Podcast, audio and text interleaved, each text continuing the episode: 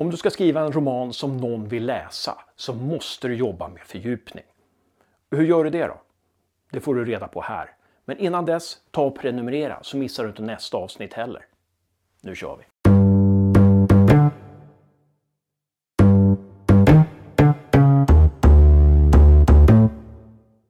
Jag har handlat så många romaner som har varit så otroligt spännande. Med folk som flyr, med folk som är inlåsta i källare, med folk som bor på båtar någonstans långt ut i ett främmande land. Men efter ett tag så blir det bara det där. Det händer ingenting mer än just det där. De här sakerna, de här spännande grejerna, de överöses jag med. Men jag engagerar mig inte ändå. Varför inte det? Ja, ofta handlar det om att författaren inte har förstått det här med fördjupning. Jag som läsare, jag vill ju inte bara se en karaktär som sitter inlåst i en källare och försöker fly därifrån och vakterna är väldigt elaka och sådär. Jag vill ju förstå hur den här personen har hamnat i den där källaren. Jag vill ju förstå vad den här personen vill fly till. Jag vill förstå vad det är för sammanhang det här ingår i. Allt sånt där gör ju att jag läser vidare.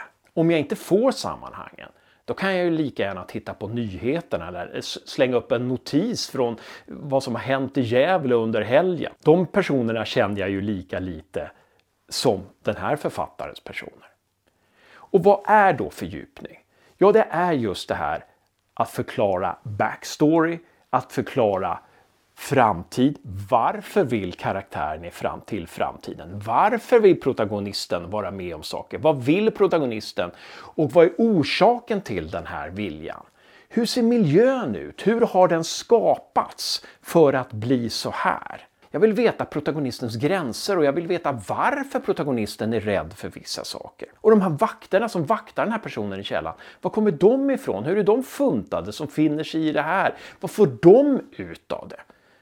Vad är det för ett styre? Befinner jag mig i nutid eller framtid eller dåtid eller i en fiktiv tid? Allt sånt här vill jag ju veta som läsare. Och naturligtvis så ska vi inte kasta det här över läsaren på en gång utan vi ger det i skärvor undan för undan. Samma sak när vi skriver dialog. Jag kan ta att en dialog är lite torftig i början. Att det är Hej, hej på dig, fint väder idag. Ja, verkligen.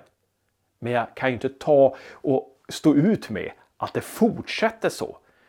Det måste ju hända någonting mellan karaktärerna. Det måste ju finnas någonting där, någon, slags friktion och jag måste ju förstå vad de här karaktärerna vill och varför de finns där och varför just de har träffats idag. Många sådana här saker gör att jag bottnar, intresserar mig för berättelsen och varför gör jag det? Jo, för att jag får en fördjupad förståelse för berättelsen. Samma sak med en inledning av en roman. Jag kan ta, jag kan stå ut med att romanen är väldigt diffus i början, att jag inte vet så mycket. Det är till och med kittlande om jag inte vet så mycket. Men ju längre tiden går, ju mer måste jag få veta. Nu har jag pratat mycket, nu är det dags för dig att göra en övning. Här är en protagonist som gör intressanta saker. Lägg till text så att vi förstår var hon är, varför hon gör det här och vart hon är på väg. Hon smög ut ur rummet, slog ner mannen i vitt och sprang ut genom dörren.